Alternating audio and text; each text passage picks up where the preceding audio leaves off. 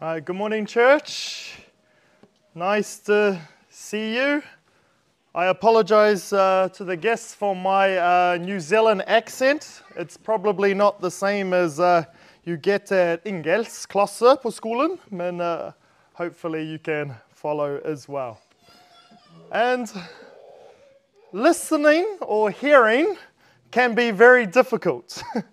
there is a listening or a hearing where someone asks you something and you understand them and you agree and you do what that person has asked you to do. Uh, this is what we call, I guess, actually hearing, real listening. Uh, but there are other forms of hearing or listening too. Uh, there is a hearing when you're trying to concentrate on a conversation, but there's this more interesting conversation happening over here in the background and that you feel is quite relevant, and sometimes that's good. Uh, you might be listening to see if your, uh, if your kids are breaking anything or doing something bad. Uh, I'm listening now to see what, uh, what's going on behind me here. There's some sound.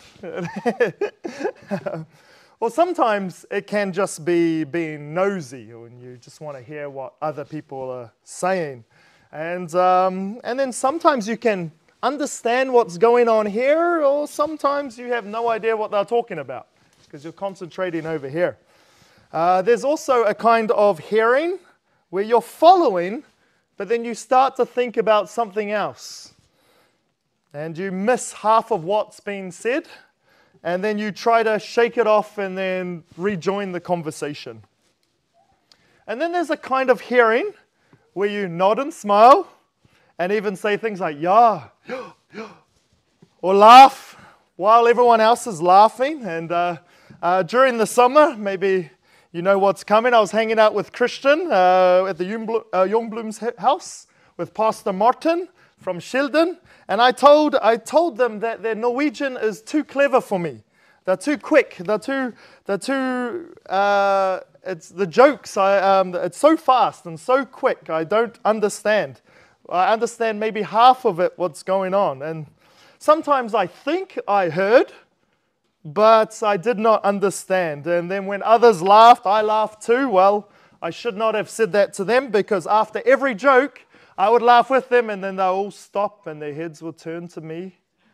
And they will look at me and they say, and they said, Do you understand what was actually funny there? And I would say yes, and I'll try to explain, and they would like, no, that's not what why it's funny, and then they would explain it, and we all laughed again. And this time I was actually laughing because I was understanding. And then there's the kind of hearing where one listens to the words being said and one understands them, but one goes and does something completely different. Hearing, but they do not hear. And today we'll be reading about four kinds of hearers. And so we're going through the, the Gospel of Mark. And so if you have your Bibles with you, can you open to Mark chapter 4? Uh, we've been going verse by verse through uh, this book. And, uh, and we will read uh, from chapter 4, verses 1 to 9. And then we're going to jump over to verses 13 and then to 30. And I'll be reading from the LSB, the Legacy Standard Bible, uh, but you can follow with whatever version you have. So let's read Mark chapter 4, verses 1 to 9 first, and then we'll go to verse 13. It says, And he, this is Jesus, and he began to teach again by the sea and such a very large crowd was gathered to him that he got into the boat in the sea and sat down. And the whole crowd was by the sea on the land. And he was teaching them many things in parables, and was saying to them in his teaching, Listen to this. Behold, the sower went out to sow, and it happened that as he was sowing, some seed fell beside the road, and the birds came and ate it up.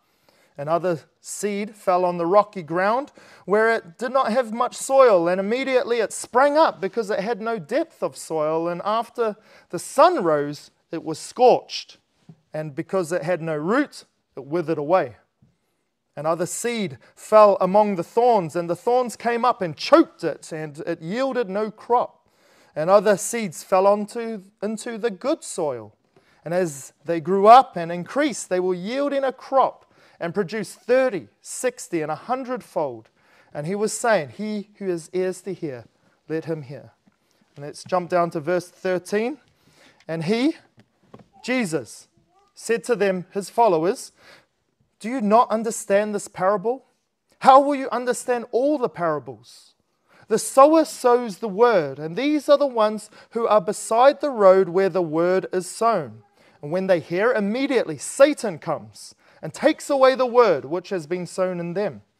And in a similar, similar way, these are the ones being sown on the rocky places, those who, when hearing the word, immediately receive it with joy, and they have no root in themselves, but are only temporary.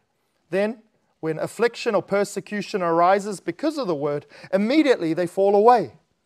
And others are those being sown among the thorns. These are the ones who have heard the word but the worries of the world, and the deceitfulness of riches, and the desires for anything else enter in and choke the word, and it becomes unfruitful. And those are the ones which were sown on the good soil. They who hear the word and accept it, and are bearing fruit 30, 60, and a hundredfold.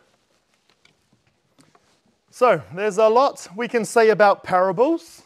Well, what is a parable? It means a placing beside. So these are stories that are placed beside com- to compare with real life. And there are more than 30 parables in the Gospels combined, and they're easy to remember stories used to teach a spiritual or moral truth. And sometimes they are quick comparisons or analogies. So they're little stories to help give a particular spiritual truth. And many people miss this point, and they make every single little part of a parable uh, mean some kind of weird spiritual truth that Jesus never intended, which makes people go, "Wow, I never knew that's what it meant." Well, it's it is it's not in the text, and they made it up, so it's not what Jesus meant. Uh, and, but one of the fascinating things about parables is that they're used to hide truth and also make truth clearer. And so, Pastor Arlen will talk more about the nature and importance of the parables, and that's the part we just skipped over when we were reading. And so, he will preach on Mark 4 10 to 12 next week. But for today, I want to focus on this parable, this story.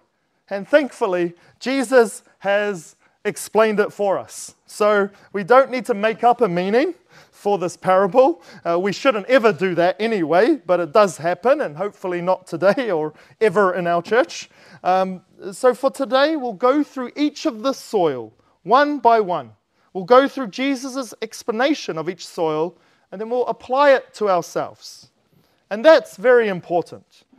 I want you to think very, very carefully about which soil, which ground represents your heart. What kind of hearer are you?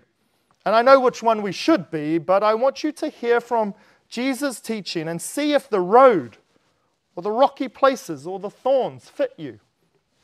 Because I think there is a possibility for many of us that it could. And that's a very dangerous position to be in. And there are four kinds of hearers here written about, and only one that bears fruit. And, and John 15, 5 to 8 says that we should all be bearing fruits.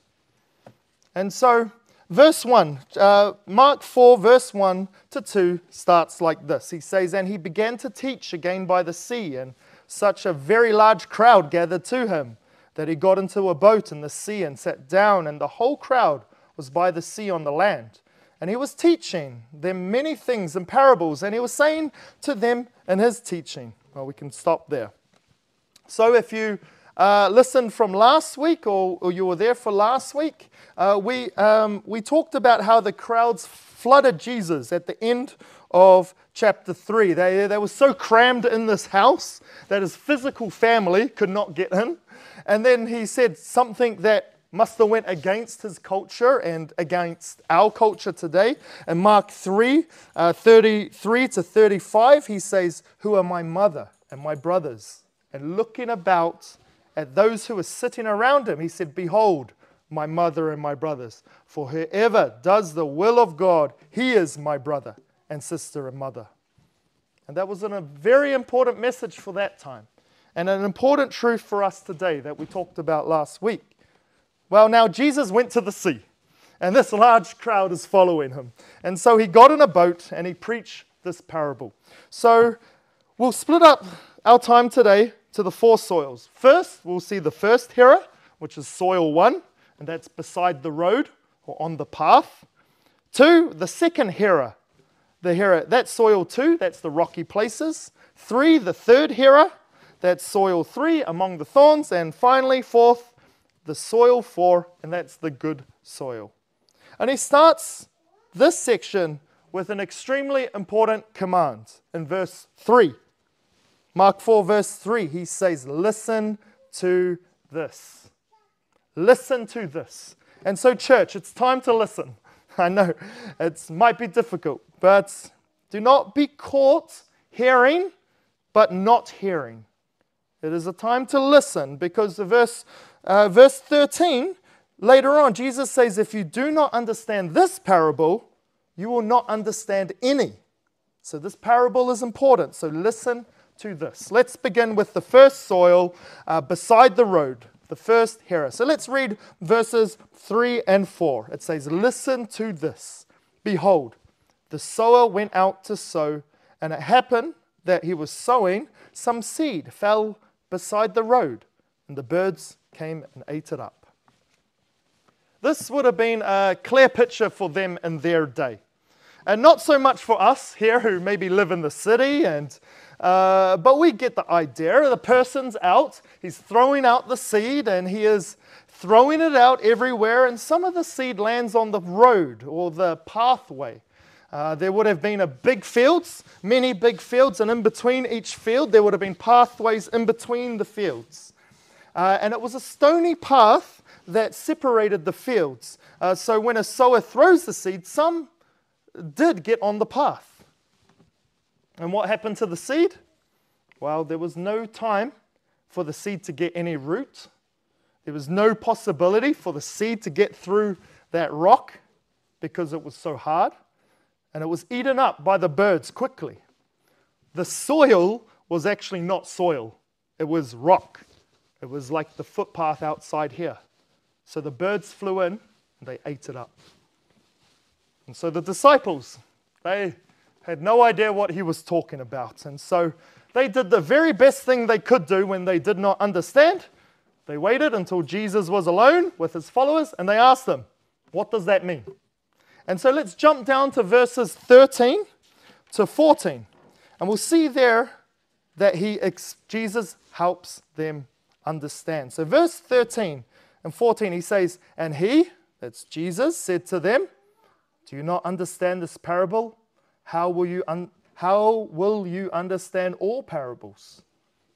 Just, I'm glad he didn't not, did not stop there, that he actually explained it for us. So, verse 14, he says, The sower sows the word. Okay, let's stop there. We have the seed, which is the word the Word of God, the good news. And, and this, this is the gospel message, the seed, the Word. And we have a sower. So we have a person who's speaking the message. And uh, this is a, could be a preacher, it could be a Bible teacher, yes, but also it's the person who tells other people about the gospel. And we have four different places that the soil lands, and we, which is the hearts of different people. And it's not clear here, but in Luke 8, it says, when the birds come, the word is taken from their heart. So we have a glimpse there from when it's mentioned in Luke 8. And so the person speaks the word of God, people hear the words, but due to their hearts, they have different responses. And they hear the word of God being taught, but they do not all listen to the point of following and believing and obeying. So, what happens on the first soil or on the path, on the road? That the seed falls on. So, uh, verse 15, it says, And these are the ones who are beside the road where the word is sown. When they hear, immediately Satan comes and takes away the word which, he, which has been sown in them. So, Satan is the birds in the story. And he comes and he takes away the word from the heart. Have you ever told someone something about the Bible and they just cannot wait to stop talking about it or make, have the subject change? Their hearts are not open. They're, they're, they're rock solid, just like the road outside here, outside our building. Try throw some seed on the road out there and see what happens. And that is what it's like for these people. And last weekend, uh, I did some evangelism uh, in Sandefjord, in the town, with some others from Bibelskirken and Vestfold. And we are throwing the seed out, and we are talking to people and preaching and sharing the gospel and just seeing what would take root. And uh, during the day, a guy walked past and he screamed, Hallelujah, Jesus, yes, Son of God. And so that was great, very encouraging. Uh, an older lady came up to me when I was preaching in town and she said, Excuse me, are you nuts? Are you crazy? I said, Well, you might think so. And we know from 1 Corinthians 1:18 that it says, For the word of the cross is foolishness to those who are perishing, but to us who are being saved, it is the power of God. And so I asked her, Is she from Norway? Because I thought that was pretty bold. I was impressed. She came up and told me I was crazy. I was quite impressed. And she said, Oh, she's from Chicago. And so I was excited and I said, Oh, that's where Moody College is. Do you know of D.L. Moody? A well known and well respected Christian man who started a college right in the middle of Chicago. Well, she was not having it and her heart was as rock. The birds came, ate the seed, but I was comforted, and, I, and, and you should be too, that God actually says here that that could happen. So I was not discouraged. I didn't stop throwing the seed out in town um, because there was a lady there who called me crazy, and there was a man who praised God and was encouraged by us. And so God said that both would be true, and so this parable helped me to continue.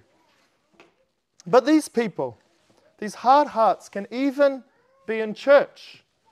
They might not understand what is said, or they can understand the words that are being said, but they're not going to believe it to the point of changing their lives. And, and maybe some of the reasons or arguments against hearing to obey could be well, it's not relevant, or just like in the Garden of Eden, maybe they'll say, well, is that really what God has said? Or maybe it's not practical enough. I don't want to listen to all this theological stuff.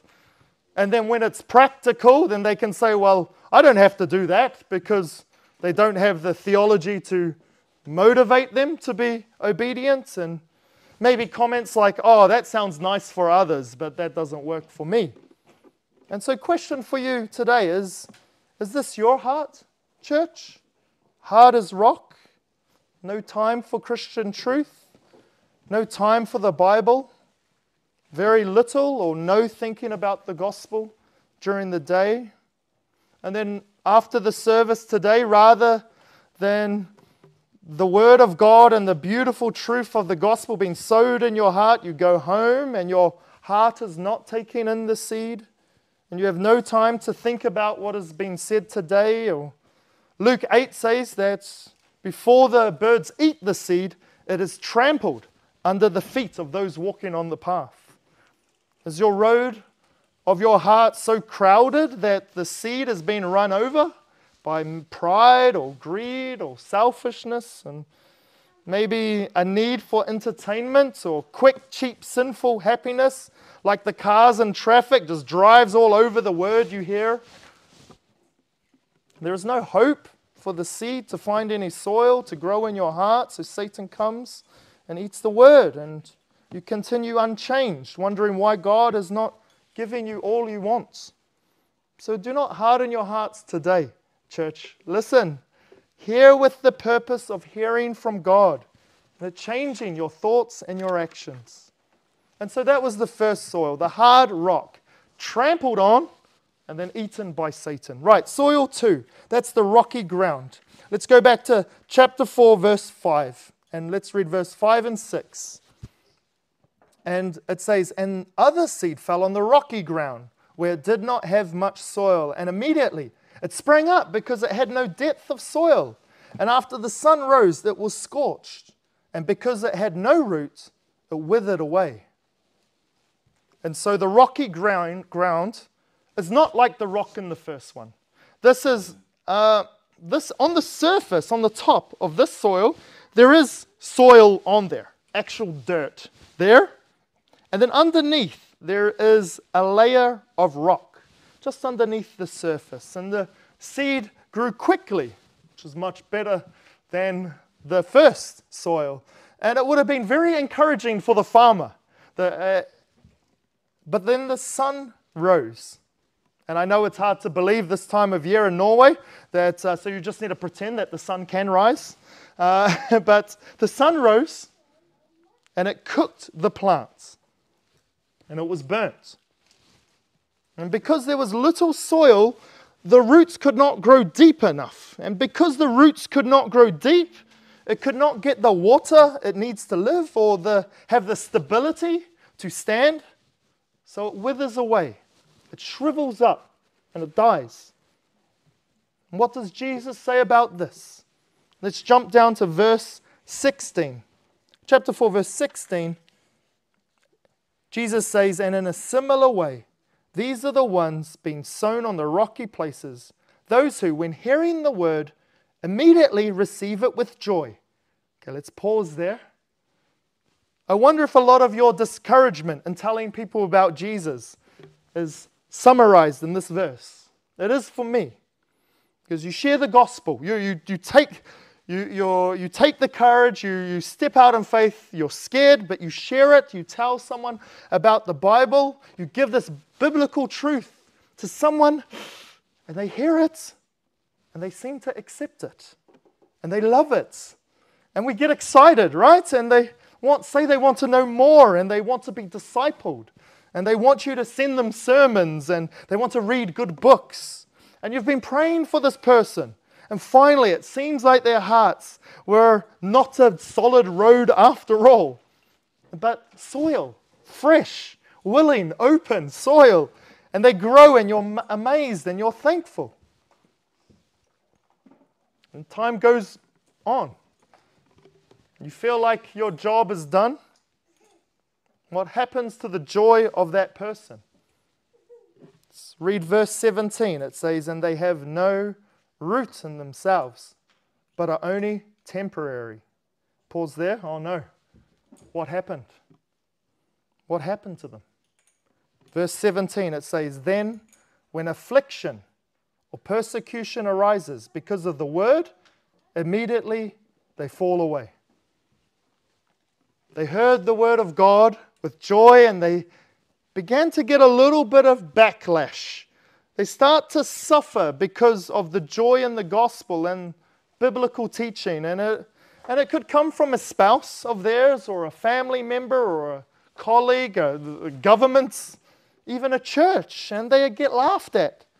And they get pushed back on their beliefs. And they get called bigots and closed minded and radicals. And or maybe they're just ignored or isolated. And the biblical truth they had joy in is then called ridiculous, idiotic, Stone Age, stupid, dumb. So they start listening to these people and, and they begin to read and watch and listen to lots of videos on YouTube about why Christianity is wrong. And what happens to them? Verse 17 it says at the very end, it says that they fall away. The sun heat is too strong. The roots are not deep enough and sound, well thought out, well studied Bible truth, and they start to dry up. They stop coming to church. They decide church is not for them. Maybe it's full of hypocrites. Or, and they get asked by, by other church members, Oh, why, why, have, why are you not coming? Are you doing okay? And their answers are a bit vague and, and they, do, they don't have the energy or willingness to work through the doubts they have. And, and the church is then discouraged, and the elders are discouraged. Why? Because we did. We saw real joy coming from these people real eagerness to pursue God and, this, and the Bible. And it was exciting to see God work in our church, and yet they're gone. And I'm not saying that everyone who leaves our church are rocky soil, so don't hear that. I'm talking about those who lack faith, for they do not trust God when life gets hard. And how do we know that these people are this kind of rocky soil? Well, time. Time answers for us. And, and this happens in Christian families all the time. All our kids are getting to an age where they have questions, and maybe we do not have the answers, and maybe sinfully, maybe we don't make time to find the answers, or and we do not teach them how to ask questions well and how to deal with persecution well, and maybe because we do not handle difficult times well ourselves, and so they go to unhealthy sources for their answers and they find a world that hates Christianity, absolutely hates it. And, church, how do you respond to those that criticize your faith and belief? Does the joy fade away and you start to get dry? John 15, 18, 20, Jesus has an encouragement for us. He says, If you were of the world, the world will love its own. But because you're not of the world, I chose you out of the world because of this. Because of this, the world hates you. And if the world hates you, know that it has hated me before it hated you. Remember that the word that I said to you a slave is not greater than his master. If they persecuted me, they will also persecute you. But if they keep my word, they will keep yours also. Or maybe Maybe you're just too scared to even say you're a Christian or to talk about or defend your biblical beliefs because your roots are just not deep enough. Your beliefs are weak or you understand little, your understanding is little, and, and you do little to grow in your faith and knowledge. And maybe you push your doubts and the questions in the back of your mind rather than dealing with them. And so when affliction or pushback or when it comes because of these Bible beliefs, you crumble, you wither up, you burn under the intense heat of those who laugh at you. Church, we do not want that. We, we want to study the Word. We write down your questions, search from the Word, from faithful Christians, answers, and prioritize church, whatever church, and prioritize Bible studies to prepare yourself. Good Bible studies that get you in the Word with those who love you and are close to you, and prioritize family Bible time to pre- prepare your children for the challenges they will face because everything in this world does not want you to follow Jesus and the Bible. So let's fight this battle together as a family. Together today, seek out people who you can have deep conversations with about how maybe you're beginning to doubt some of the goodness of the Lord's commands, or tell them what you are finding hard and work through them before your faith withers up and dies. And so, first, the first hearers was soil one, that was a rocky path, hard heart, Satan destroying. The second was hearers was uh, was soil two, was a layer of soil, but then rock underneath, and they accept the word with joy, but when it is destroyed, when hard times come because of that word. And so, soil three, the third kind of hearer, and that's among thorns. Let's read chapter 4, verse 7. It says, And other seed fell among the thorns. And the thorns came up and choked it, and it yielded no crop. So, seed is spread and it grows. And the farmer is excited it's making really good progress. It's not withering up in the sun and it's growing really well. But then the farmer sees this little green plant sticking up next to it. Hmm. Oh, it's not much. The wheat will outgrow that. Is that a thorn? Nah, I don't think that will survive. And so the farmer leaves and he returns back another time, and oh, was he wrong? the thorns have grown a lot, far more than what he could imagine. And they are sharp thorns, and they have trapped the wheat, and it chokes it, and it stops it from growing healthy. And it makes it so that it does not produce any fruit for the farmer to collect. And so there's no harvest from that for the farmer. There's no fruit for him from there. church, I'm going to be honest with you. As, as a church, we must be aware of the thorns. And I'm not talking about thorns out in the streets of Sandefjord calling me crazy. No, I'm talking about very real thorns in our congregation. And we cannot be a church that sees some little thorns in the ground and ignores them. And you cannot be a healthy Christian and ignore these thorns that are growing around you. And I can see thorns growing among us. And I see thorns that have grown, and maybe some have grown a hold of our feet, so maybe we just need a little shake to get it off. Maybe a little helping hand from someone else to shake them off. But also, the thorns that have grown tight around many of our bodies and to the point where maybe it's hard for us. We're finding it difficult to breathe. And also, there are thorns that have got a good tight grip around our necks. And it is choking and suffocating us. And if it's not dealt with, they could kill us. Do you recognize these thorns? Can you see them? And I'm not talking about a vision of plants. I'm not talking about that and, oh, there's thorns everywhere. That's not what I'm talking about. What are these thorns? Again, Jesus will explain it for us. What are these vines? What are these green things that are choking them here? Jesus has an explanation. So when I read this, let's listen. See if you recognize some of these in your own life, in the life of your family, in the life of one another. Can you see these burdening us as a church?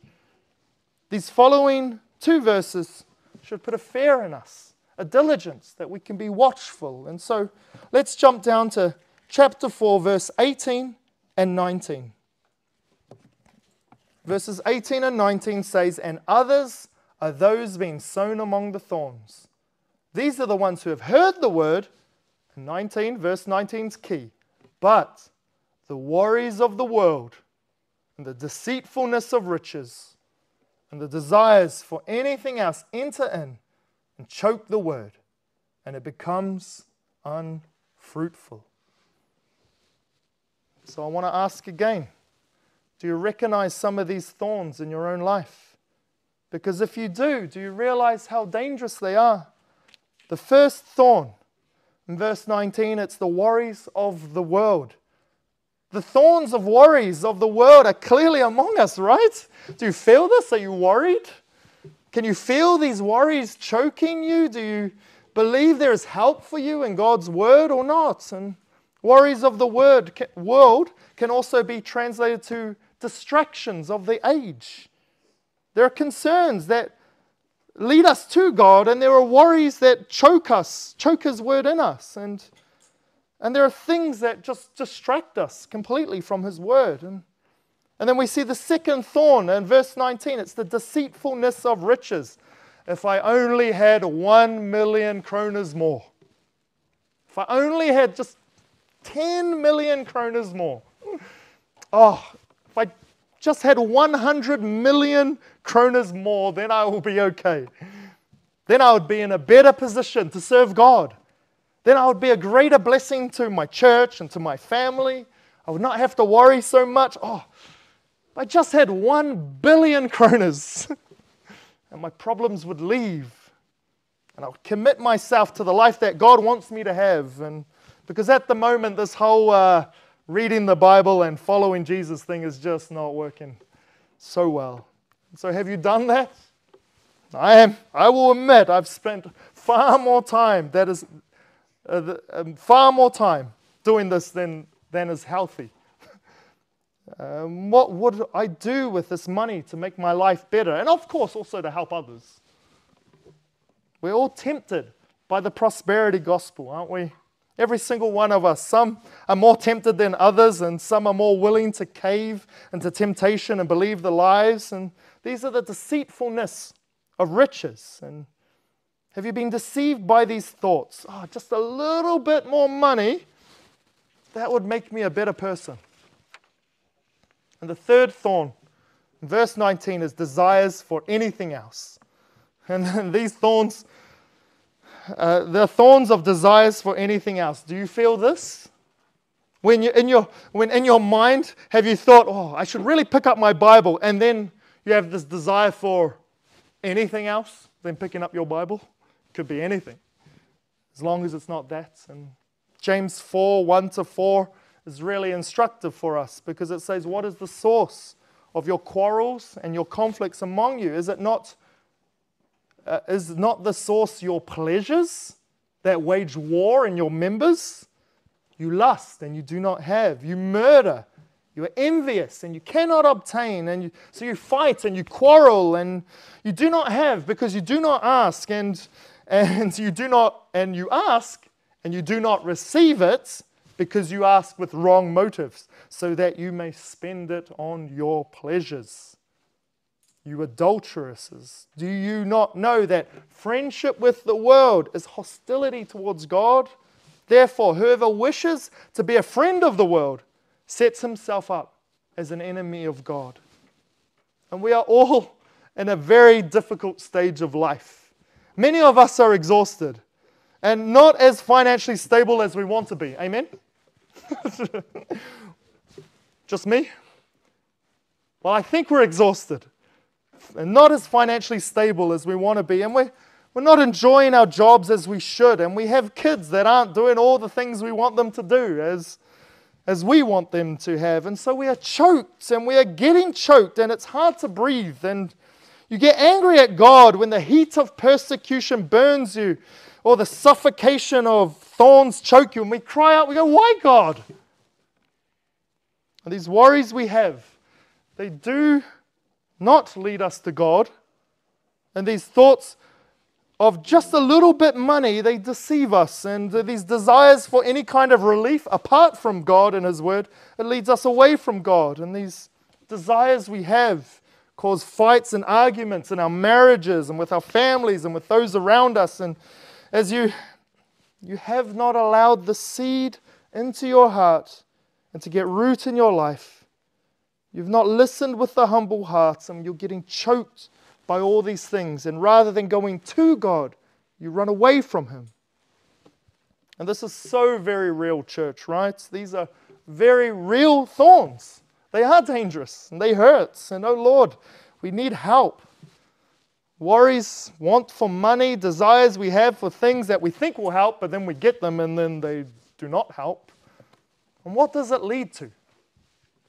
Verse 19 it says, It is unfruitful. Unfruitful. No change, no growth. What are the fruitless? What are fruitless plants good for? If they're meant to be bearing fruit, they're useful for the fire. Loving possessions, loving things, and loving stuff needs to have what others have, and so we are distracted from the only one worth loving. And those bear no fruit because they lack true love. And oh, help us, Lord, to listen to the word. And, church, let us apply the gospel to our lives every day. You need the gospel every day. So preach the gospel to yourself. Preach and live the gospel. And finally, uh, the fourth soil, and that's good soil. Verse 8, chapter 4, verse 8, it says, And other seeds fell onto the good soil. And as they grew up and increased, they were yielding a crop and produced 30, 60, and 100 fold. And this here is the most unrealistic part of the parable. This is the part that would have made the people say, What? What are you talking about? One commentator says that there are three ways that people would have understood this part. First, they could have said, That's a crazy story. Nobody gets that kind of harvest. Two, they could have heard this and said, Well, it just shows that Jesus doesn't know much about farming. Or three, they could have heard it and thought, I wonder what Jesus is getting at. What is the seed he is talking about? What kind of harvest can be that huge? And so Jesus' goal is not to make it extremely clear for everyone. His goal is to draw them into being good hearers and being those that are willing to find out the meaning and to stick with Jesus and being open to whatever he reveals. And how does Jesus explain this? Let's go to verse 20. Chapter 4, verse 20, he says, And those are the ones which were sown on the good soil, they who hear the word and accept it and are bearing fruit 30, 60, and a hundredfold. Again, just like last week, who is Jesus' true family? Mark 3:35 it says whoever does the will of God. And then who are those whose hearts are good soil? Well, Mark 4:20 says they who hear the word, accept it, and are therefore then bearing fruit 30, 60, and a hundredfold. This is not a works salvation. Jesus came to die to save sinners, that those who repent and believe would be saved. They will then become the children of God. That's the gospel. Children who just do whatever they want, or children who hear their father's voice and trust him and obey him. Do you have heroes in the faith, Christian heroes? If you do, then the fruit of their lives has been because they are men and women, not perfect, but who have devoted their lives to forgive as they have been forgiven, to hear the word of God and follow it, who commit their lives to Christ. And so, persecution, hard times has come for them, and they have been steadfast. Thorns of worry and love for money and desires for other things have come, and they've gone to God in repentance and obedience. And, church, if you want to be fruitful in your life, you need to be in Christ through faith and belief. And then, as a result of that, as a fruit of that, you will hear His word and accept it. Those who have ears to hear, let them hear. Let us pray together. Father, thank you for your word. Oh Lord, pray we pray for our hearts that we would be willing to hear from you. Protect us as a church, Lord. There are thorns everywhere, there's persecution everywhere, and help it. May that lead us closer to you, closer to one another. Let us ask for help when we need it and ask for prayer when we need it. Let us be honest with one another and let us remember the gospel that we are saved by grace and that you will help us to live this life well. Give us strength. We need it, Lord. Help us in Jesus' name. Amen.